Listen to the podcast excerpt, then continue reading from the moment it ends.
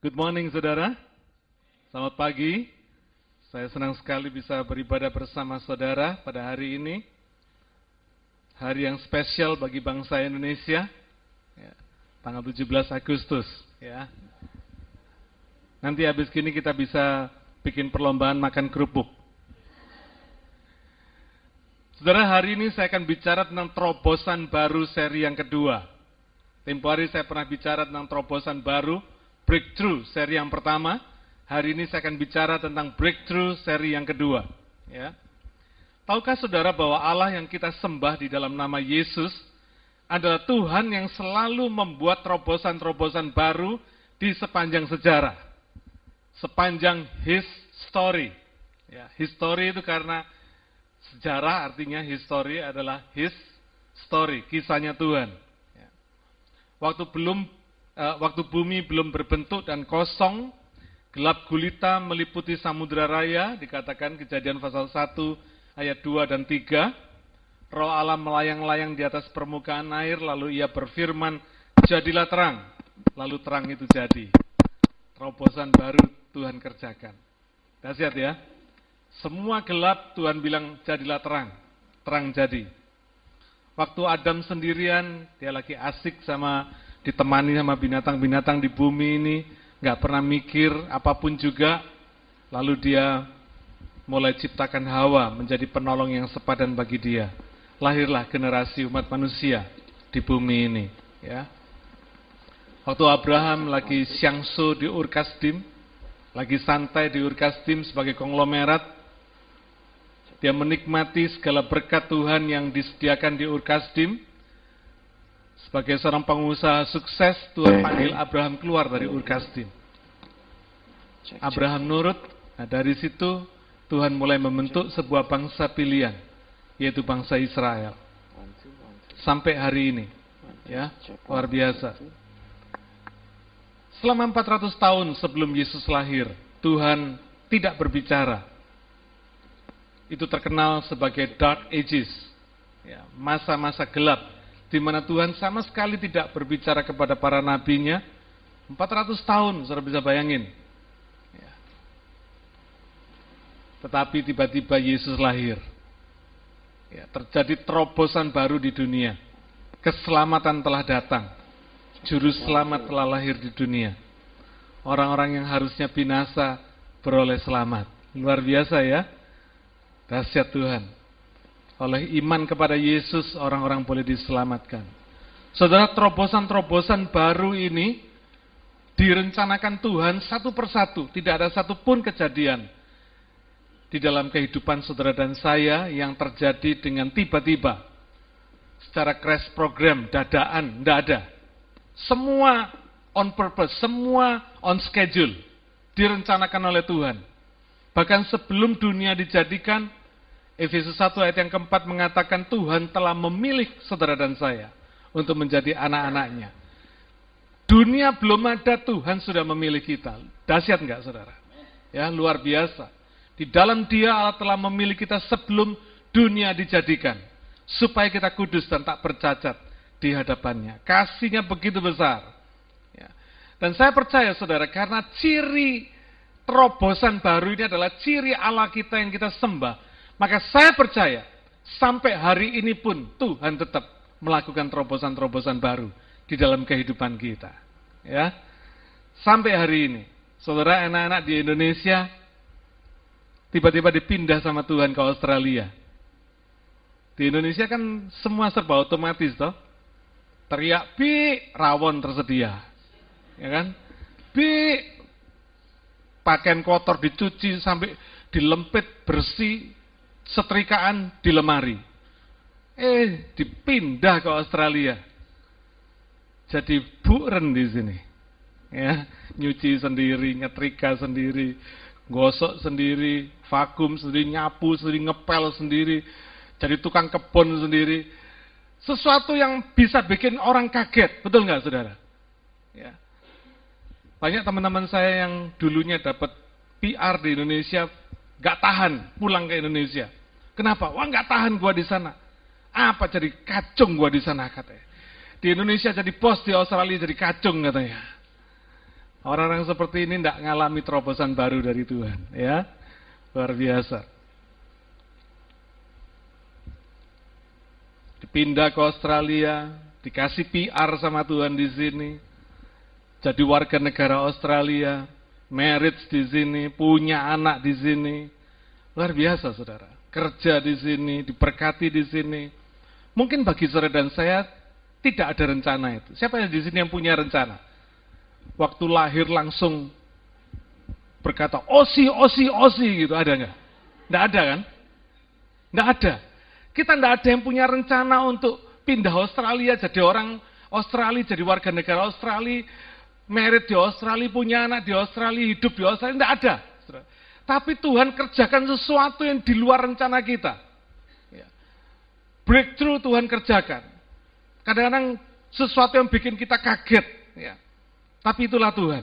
Karena dia memang Allah yang selalu melakukan breakthrough. Melakukan terobosan-terobosan baru di dalam kehidupan kita. Jadi asik loh saudara. Jadi orang Kristen itu hidup kita tuh asik. Karena apa? Selalu ada kejutan baru. Selalu ada terobosan baru. Ya. Tuhan tuh nggak pernah membiarkan kita tinggal di comfort zone kita. Santai-santai, nggak pernah. Karena orang yang ada di comfort zone itu orang yang nggak pernah maju saudara. Tapi ketika Tuhan mencintai kita, maka dia akan membuat hidup kita itu tidak tinggal di dalam comfort zone. Tuhan akan bawa kita keluar dari comfort zone dan mengalami perkara-perkara yang indah di dalam kehidupan ini. Perkara-perkara yang dahsyat, ya, yang luar biasa. Anda kata saudara tahu bahwa nanti sore akan ada tamu penting datang ke rumah saudara. Kira-kira apa yang akan saudara lakukan? Saudara akan siap-siap, ya kan? Kalau perlu nggak ke gereja dulu nggak apa-apa. Gereja kan ada minggu depan, ya kan? Saudara siap-siap, bersih-bersih rumah, siapkan rumah untuk menyambut tamu penting ini. Saudara, hati saudara mungkin dak dikduk, ada apa ini? Mungkin Prime Minister Australia akan singgah di rumah saudara. Waduh, saudara mulai deg-degan, ada apa ini? Bawa apa ini kira-kira? Apa yang akan dilakukan ini? Saudara akan berusaha mempersiapkan diri dengan sebaik mungkin rumah saudara mungkin dihias. Saudara siapkan makanan, minuman yang secukupnya mungkin untuk memberikan e, pelayanan yang terbaik untuk tamu penting kita. Nah, apa yang akan kita lakukan untuk setiap terobosan baru yang Tuhan akan kerjakan dalam hidup saudara dan saya? Saudara kan percaya ya, siapa yang percaya Tuhan itu melakukan terobosan baru? Dia adalah Allah yang selalu membuat terobosan baru. Nah kalau saudara percaya Tuhan itu adalah Allah yang selalu bikin terobosan baru di dalam hidup saudara dan saya, apa yang kita lakukan? Kalau tadi saya ambil analoginya, kalau ada tamu penting aja, katakanlah Prime Minister Australia mau datang ke rumah saudara, saudara siap-siap. Saudara berusaha menata ruangan rumah saudara sebaik mungkin Nggak mungkin ada popok di ruang tamu gitu, nggak ada. Saudara akan bersihkan semua. Karena sudah tahu ada tamu penting itu akan datang. Nah hari ini kalau sudah dan saya percaya bahwa Allah kita adalah Allah yang selalu melakukan terobosan baru dalam kehidupan ini. What will you do? Apa yang akan saudara lakukan? Saya percaya bahwa setiap musim dalam hidup kita, setiap season dalam hidup kita adalah terobosan baru yang Tuhan sudah siapkan. Ya.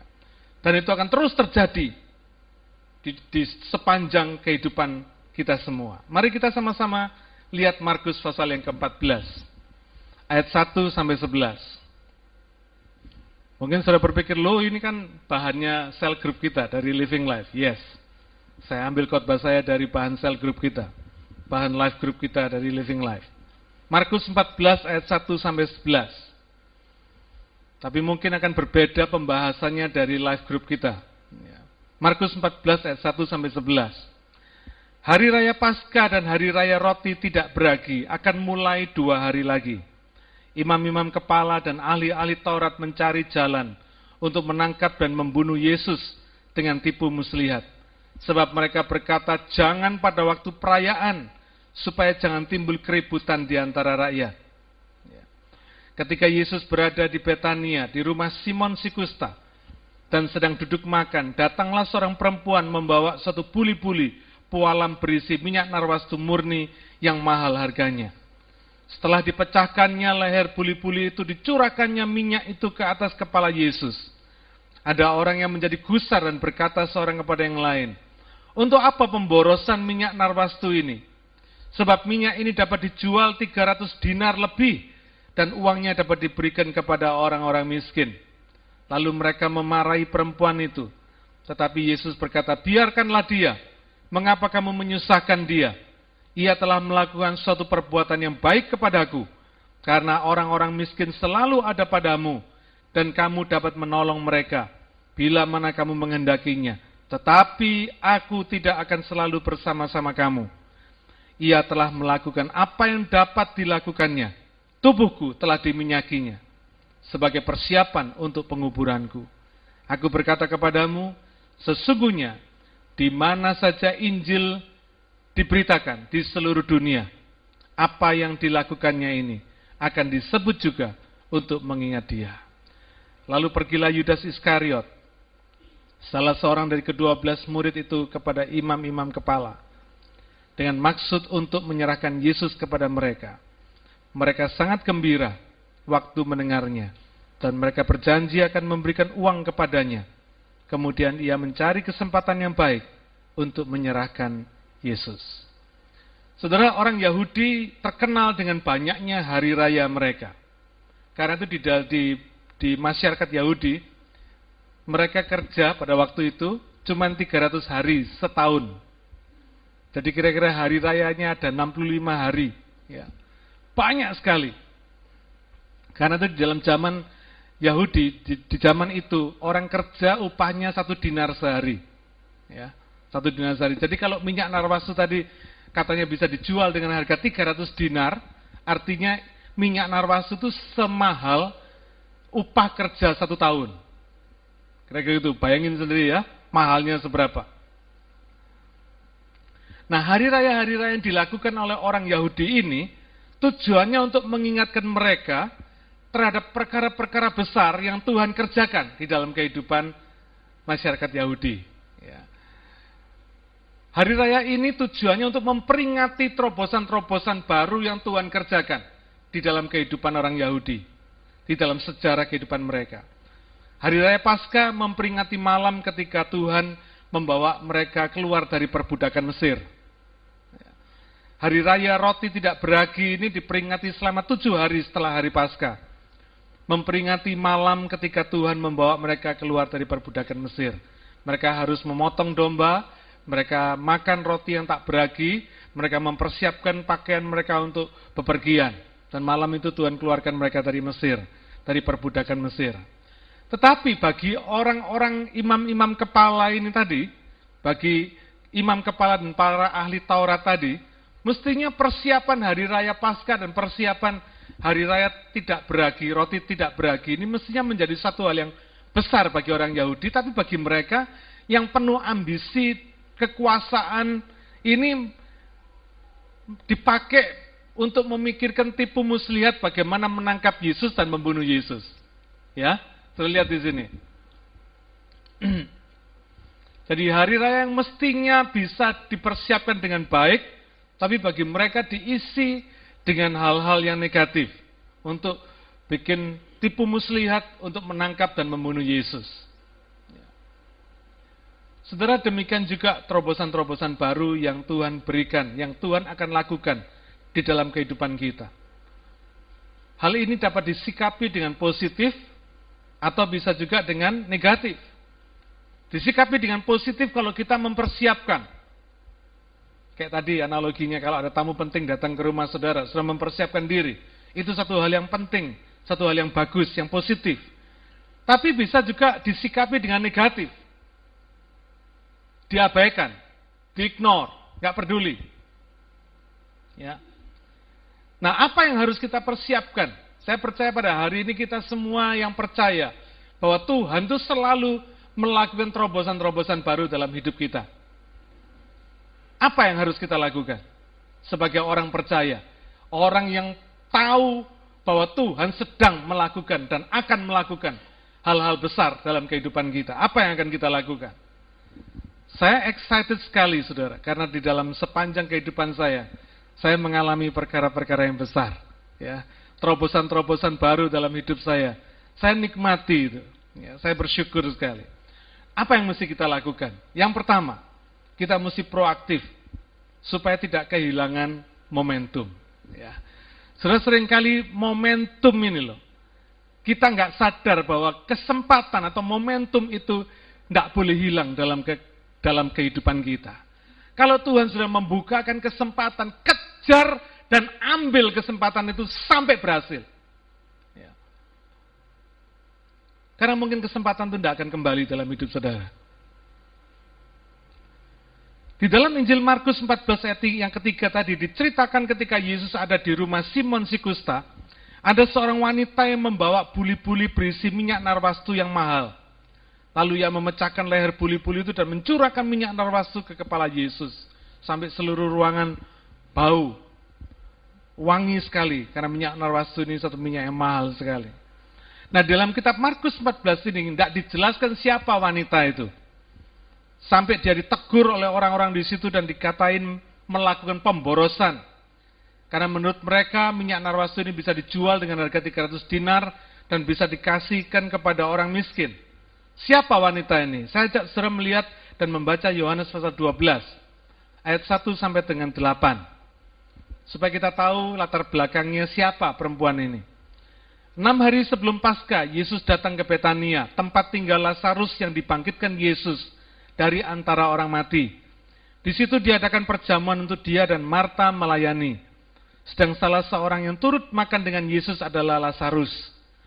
Maka Maria mengambil setengah kati minyak narwastu murni yang mahal harganya, lalu meminyaki kaki Yesus dan menyekanya dengan rambutnya, dan bau minyak semerbak di seluruh rumah itu. Tetapi Yudas Iskariot, seorang dari murid-murid Yesus yang akan segera menyerahkan dia, berkata, Mengapa minyak narwastu ini tidak dijual 300 dinar dan uangnya diberikan kepada orang-orang miskin? Hal itu dikatakannya bukan karena ia memperhatikan nasib orang-orang miskin, melainkan karena ia adalah seorang pencuri. Ia sering mengambil uang yang disimpan dalam kas yang dipegangnya. Maka kata Yesus, biarkanlah dia melakukan hal ini, mengingat hari penguburanku, karena orang-orang miskin selalu ada pada kamu, tetapi aku tidak akan selalu ada pada kamu. Saudara ternyata di sini kita baru tahu, wanita ini ternyata Maria, saudaranya Marta dan Lazarus, ya. Lazarus yang dibangkitkan Yesus setelah dia dikubur empat hari. Ya. Maria ini juga yang duduk diam di kaki Tuhan, mendengarkan Tuhan ketika Tuhan berbicara. Sementara Marta sibuk melayani, sambil komplain sama Tuhan Yesus. Karena si Maria dianggap tidak mau bantu dia melayani Tuhan. Ya. Tapi apa jawab Yesus? Marta, Marta, engkau khawatir dan menyusahkan diri dengan banyak perkara. Tetapi hanya satu saja yang perlu, bukan dua, satu saja kata Tuhan. Maria telah memilih bagian yang terbaik, yang tidak akan diambil daripadanya. Saudara, Maria ini tahu betul terobosan baru apa yang akan dilakukan oleh Yesus. Sebab Yesus sudah berkali-kali menyampaikan bahwa ia akan segera diserahkan. Ia akan dibunuh oleh imam-imam besar dan para ahli Taurat. Dia akan mati dan pada, pada hari yang ketiga dia bangkit dari antara orang mati. Bagi yang lain, berita ini sesuatu yang lewat masuk kiri keluar kanan. Tapi bagi Maria yang dengar-dengaran sama Tuhan, yang suka mendengarkan suara Tuhan, yang suka duduk diam ketika Yesus bicara, dia nangkep apa yang Tuhan Yesus katakan.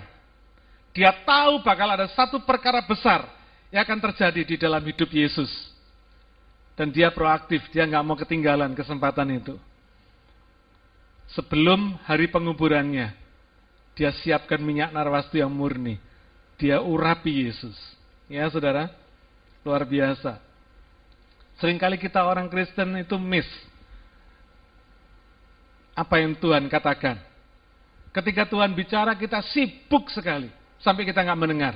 Bukan berarti Tuhan nggak bicara, kita yang nggak mendengar. Mestinya waktu Tuhan bicara kita duduk diam dengerin, ya kan? Kadang-kadang dalam kehidupan anak-anak Tuhan, khususnya yang sudah melayani Tuhan, Kadang terlalu sibuk dengan pelayanan sampai nggak sempat duduk diam. Nggak sempat dengar-dengaran, nggak sempat mendengarkan apa yang Tuhan berikan. Apa yang Tuhan mau katakan, apa yang Tuhan mau lakukan dalam kehidupan kita. Ya. Nah karena Maria ini selalu dengar-dengaran apa yang dikatakan Yesus, maka ia bisa bersikap proaktif. Proaktif artinya melakukan sesuatu sebelum orang lain melakukannya. Ya. Dia lebih dulu mengantisipasi apa yang akan dikerjakan oleh Tuhan. Dia lakukan itu. Apa yang dilakukannya itu kelihatannya bersifat fana, saudara. Tapi punya nilai kekal. Ya, luar biasa. Ini yang seharusnya menjadi obsesi kita, anak-anak Tuhan. Apa yang kita lakukan selama di dunia ini harus bernilai kekal.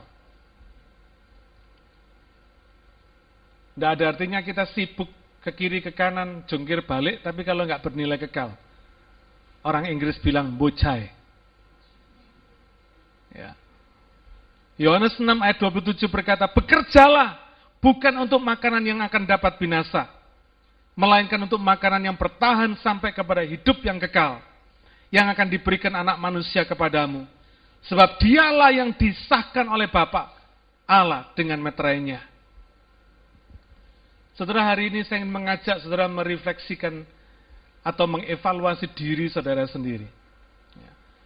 Sejauh mana kesibukan saudara di hadapan Tuhan? Apakah prioritas-prioritas saudara mengalahkan prioritas yang seperti yang dilakukan oleh Maria ini? Yesus nggak ngomong dua, Yesus berkata apa? Cuma satu aja yang perlu. Apa yang perlu saudara?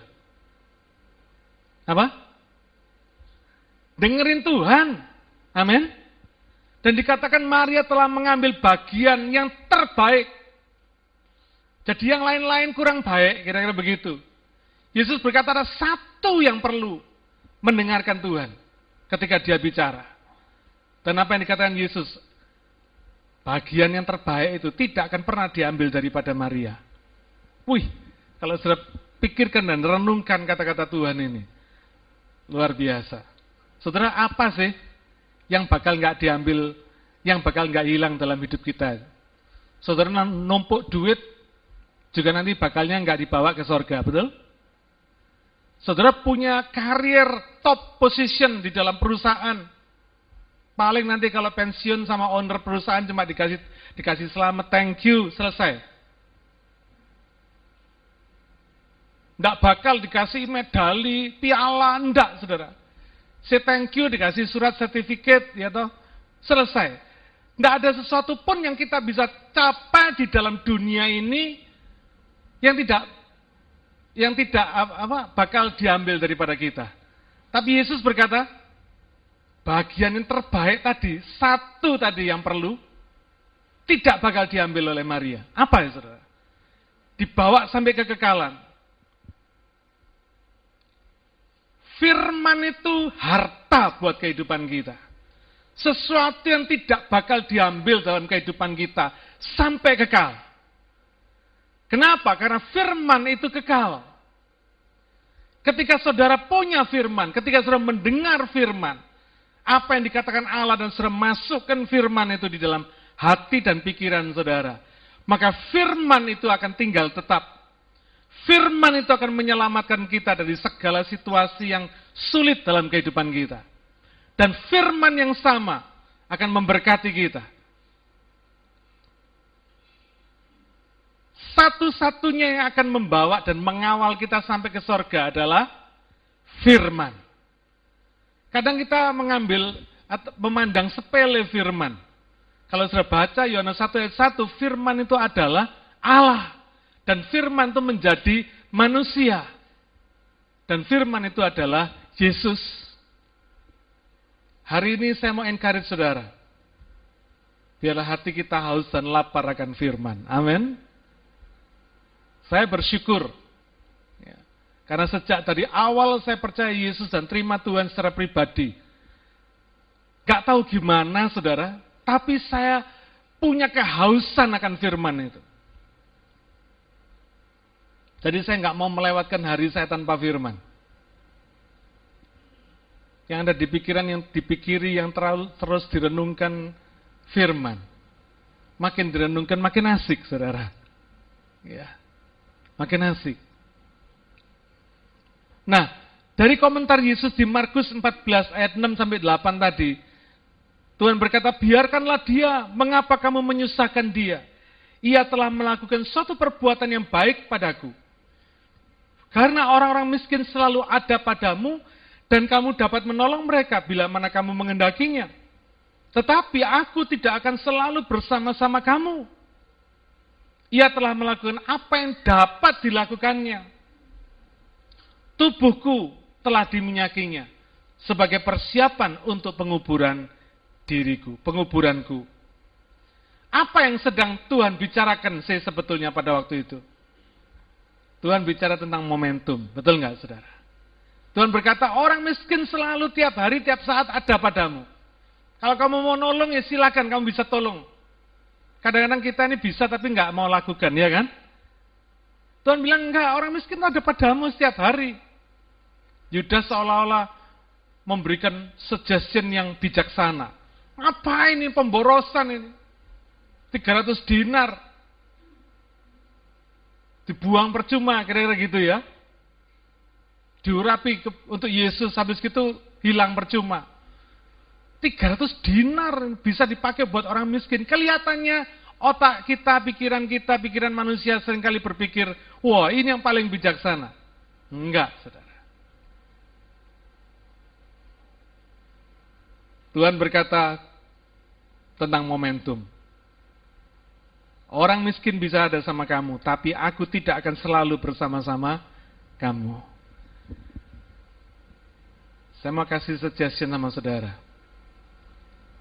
Jangan pernah saudara kehilangan momentum bersama Tuhan. Rugi saudara. Ya, rugi.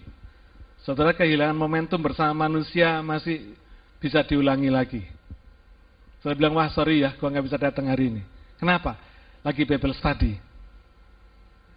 Next week ya, kita makan. Itu ya. Tapi biasanya kan enggak, dibalik kan? Sama pendeta, sorry Pak pendeta saya tidak bisa datang Bible study. Kenapa? Ada acara makan. Saudara, kehilangan momentum bersama Tuhan itu adalah rugi besar. Karena saudara sedang kehilangan sesuatu harta, sesuatu yang berharga, yang akan membawa saudara, yang akan bersama dengan saudara, sampai kekal. Sampai ketemu Tuhan.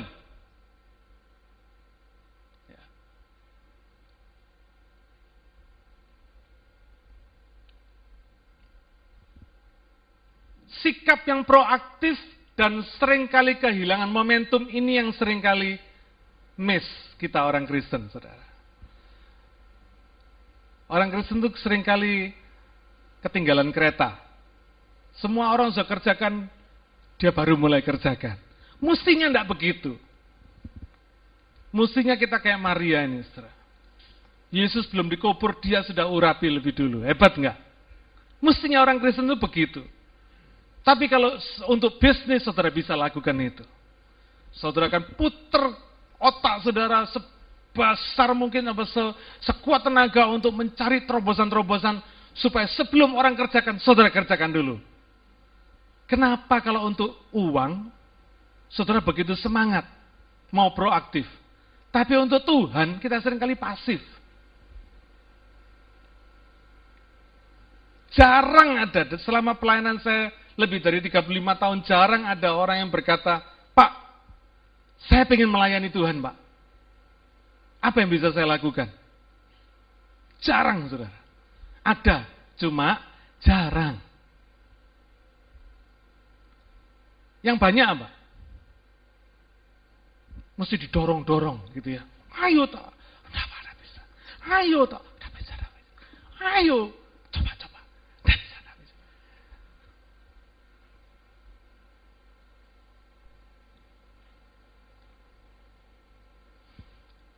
Coba kita baca komentarnya Tuhan terhadap apa yang dilakukan Maria. Ayat yang ke-9.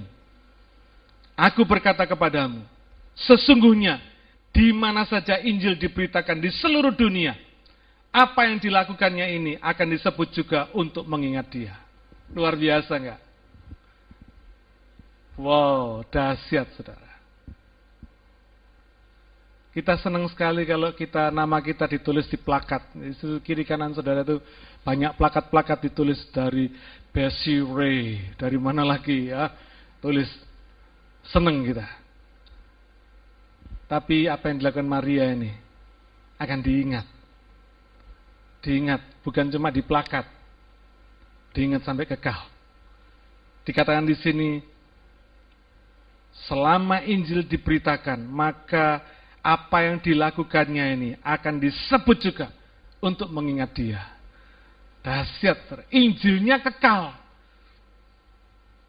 Berarti Injil ini juga akan terus diberitakan sampai kekal, saudara.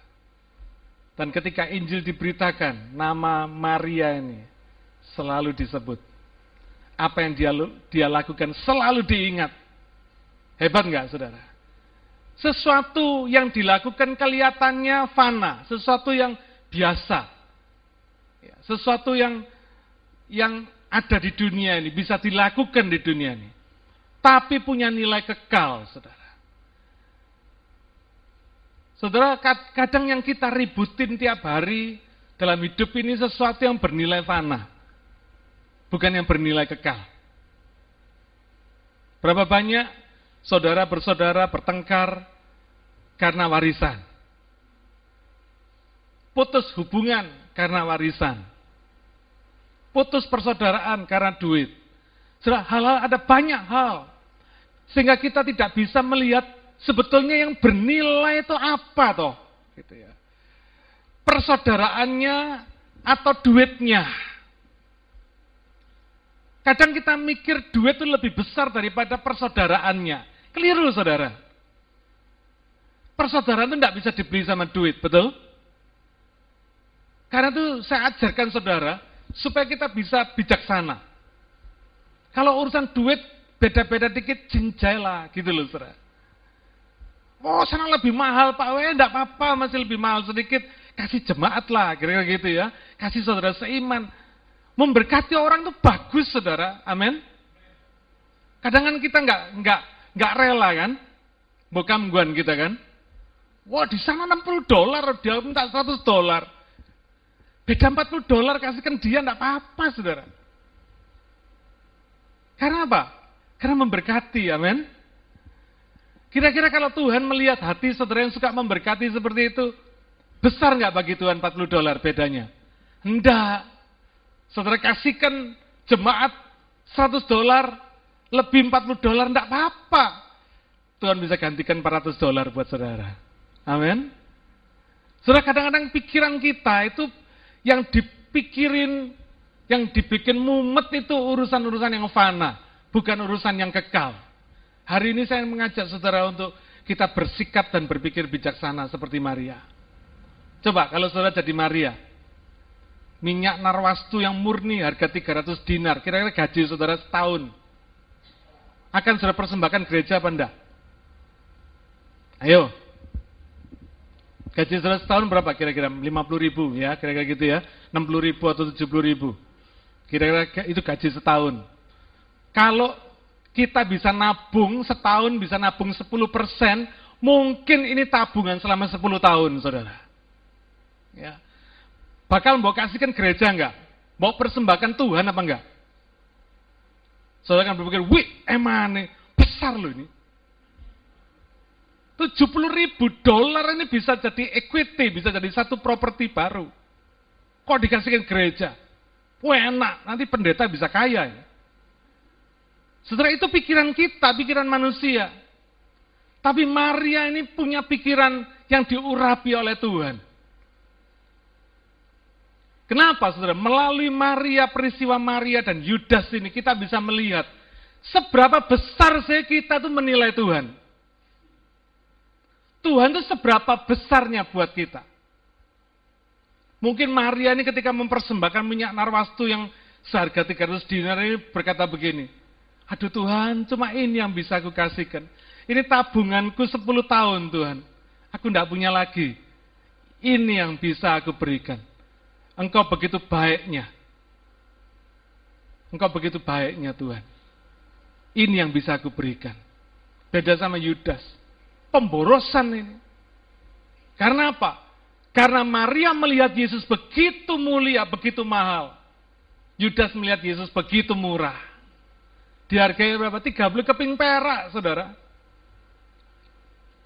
Mau nggak saudara jual Yesus cuma harga 30 keping perak? Murah banget. Dikatakan di dalam Alkitab tadi, para imam besar dan e, para ahli Taurat tadi, mereka bergembira dan mereka menjanjikan uang 30 perak kalau Yudas nanti akan menyerahkan Yesus. Kadang saudara kita ini anak-anak Tuhan, orang-orang percaya ini menilai Tuhan Yesus itu begitu murah. Sehingga Tuhan Yesus bisa ditinggal karena badminton misalnya. Tuhan Yesus bisa ditinggal karena holiday misalnya.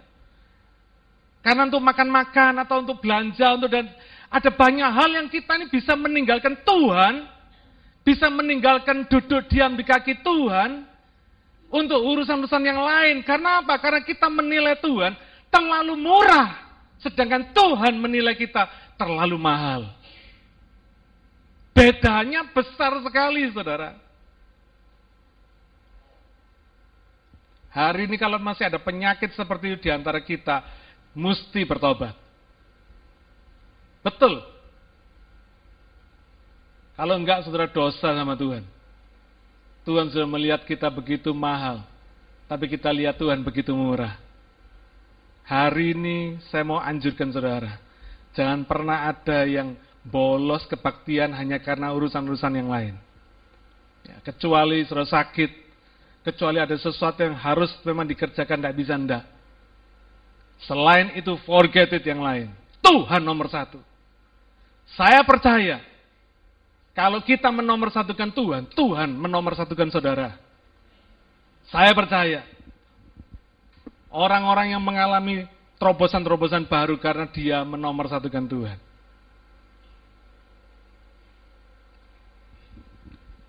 Sayang sekali hari ini saya cuma bisa membagikan satu poin ini. Saya akan lanjutkan minggu depan. Tapi sebelum saya akhiri ke, uh, ke uh, khotbah saya ini, saya mau berikan kesaksian supaya saudara nangkep apa yang saya kasih tahu, proaktif dan tidak kehilangan momentum itu. Tak kasih kesaksian dari kehidupan saya sendiri. Bukan kehidupan yang lama, termasuk lama dan baru. Ya, currently happen. Anak saya itu sejak saya datang ke Australia, saya jemput mereka awal tahun 99.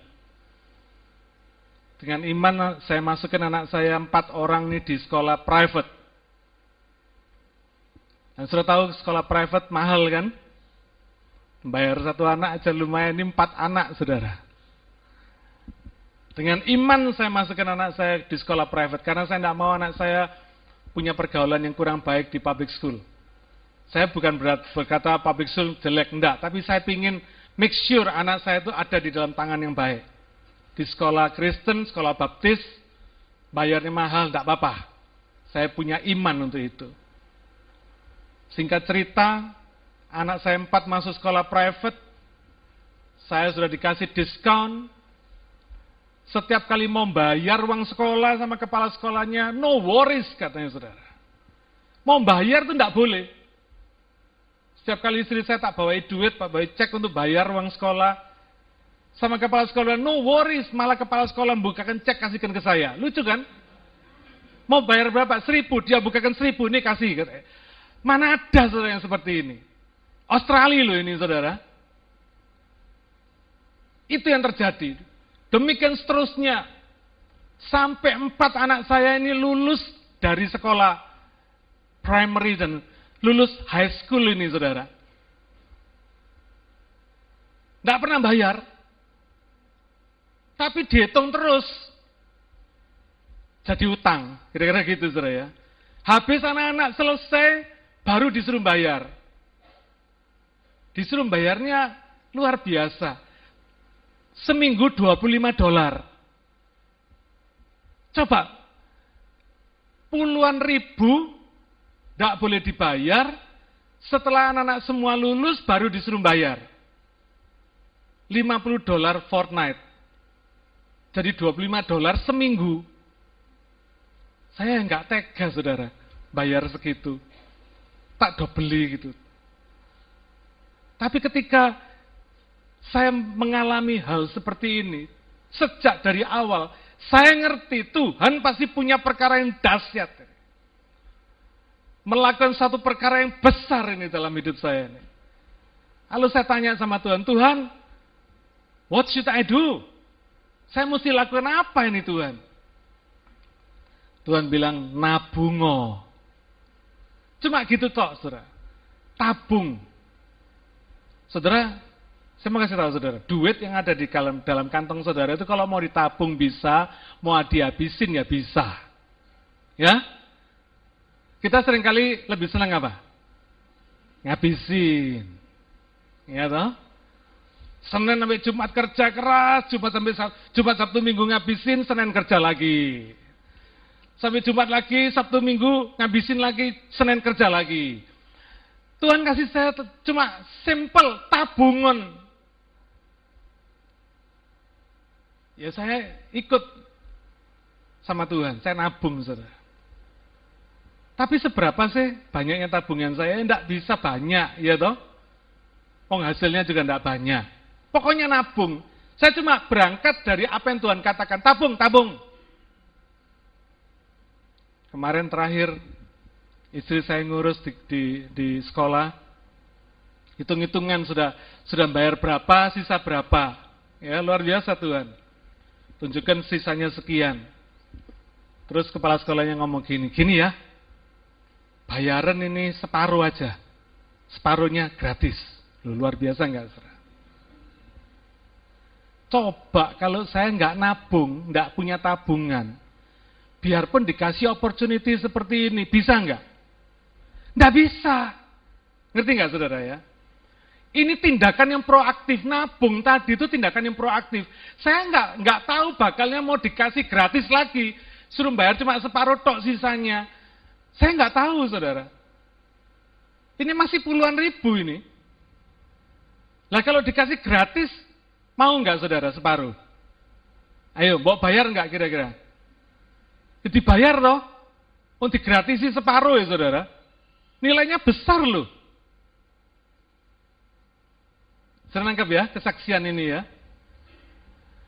Apa yang saudara lakukan secara proaktif ketika saudara mendengar suara Tuhan, ketika saudara dengar-dengaran suara Tuhan, itu tidak bakal mengecewakan saudara. Kita nggak tahu yang jauh ke depan sana. Taunya kita pokoknya melakukan apa yang Tuhan katakan. Nanti pada waktunya ketika Tuhan lakukan terobosan baru, ketika Tuhan bukakan opportunity dalam kehidupan saudara, saudara bisa menangkapnya. Coba kalau saya tidak punya tabungan, kira-kira ketika Tuhan menggerakkan hati kepala sekolah ini berkata, wes kamu bayaran separuh aja, nanti separuhnya gratis. Saudara bisa ngomong apa?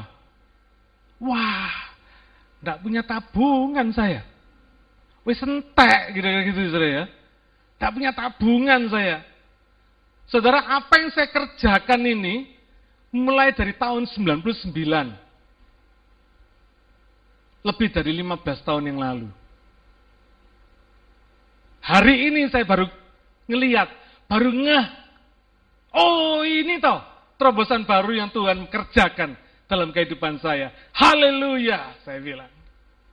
Saya cepat-cepat ngomong sama istri saya, nanti minggu depan lu datang lagi bikin kepala sekolah ya. Tanya Opiro, mestinya kita bayar. Dan berapa yang mesti digratisi. Amin. So ini contoh kesaksian yang nyata yang terjadi pada minggu ini, minggu yang baru lalu ini. Dan itu akibat dari apa yang saya lakukan, apa yang saya tahu, apa yang saya ikuti, petunjuk Tuhan dari tahun 99 yang lalu. Dahsyat nggak Tuhan? Saya percaya kalau Tuhan lakukan itu dalam hidup saya, maka Tuhan yang sama dapat lakukan itu juga dalam hidup saudara dan saya. Amin. Sama, kita semua sama. Kita semua sama-sama anak percaya, orang percaya. Karena itu saudara, mari pada hari ini kita punya sikap hati seperti Maria. Proaktif sama Tuhan. Dan kita akan melihat betapa Tuhan itu melakukan terobosan baru yang sama sekali kita nggak pernah mikir. Tuhan kerjakan dalam hidup kita. Amin. Saudara mau dengar kelanjutannya? Minggu depan. Amin. Haleluya. Mari kita berdoa.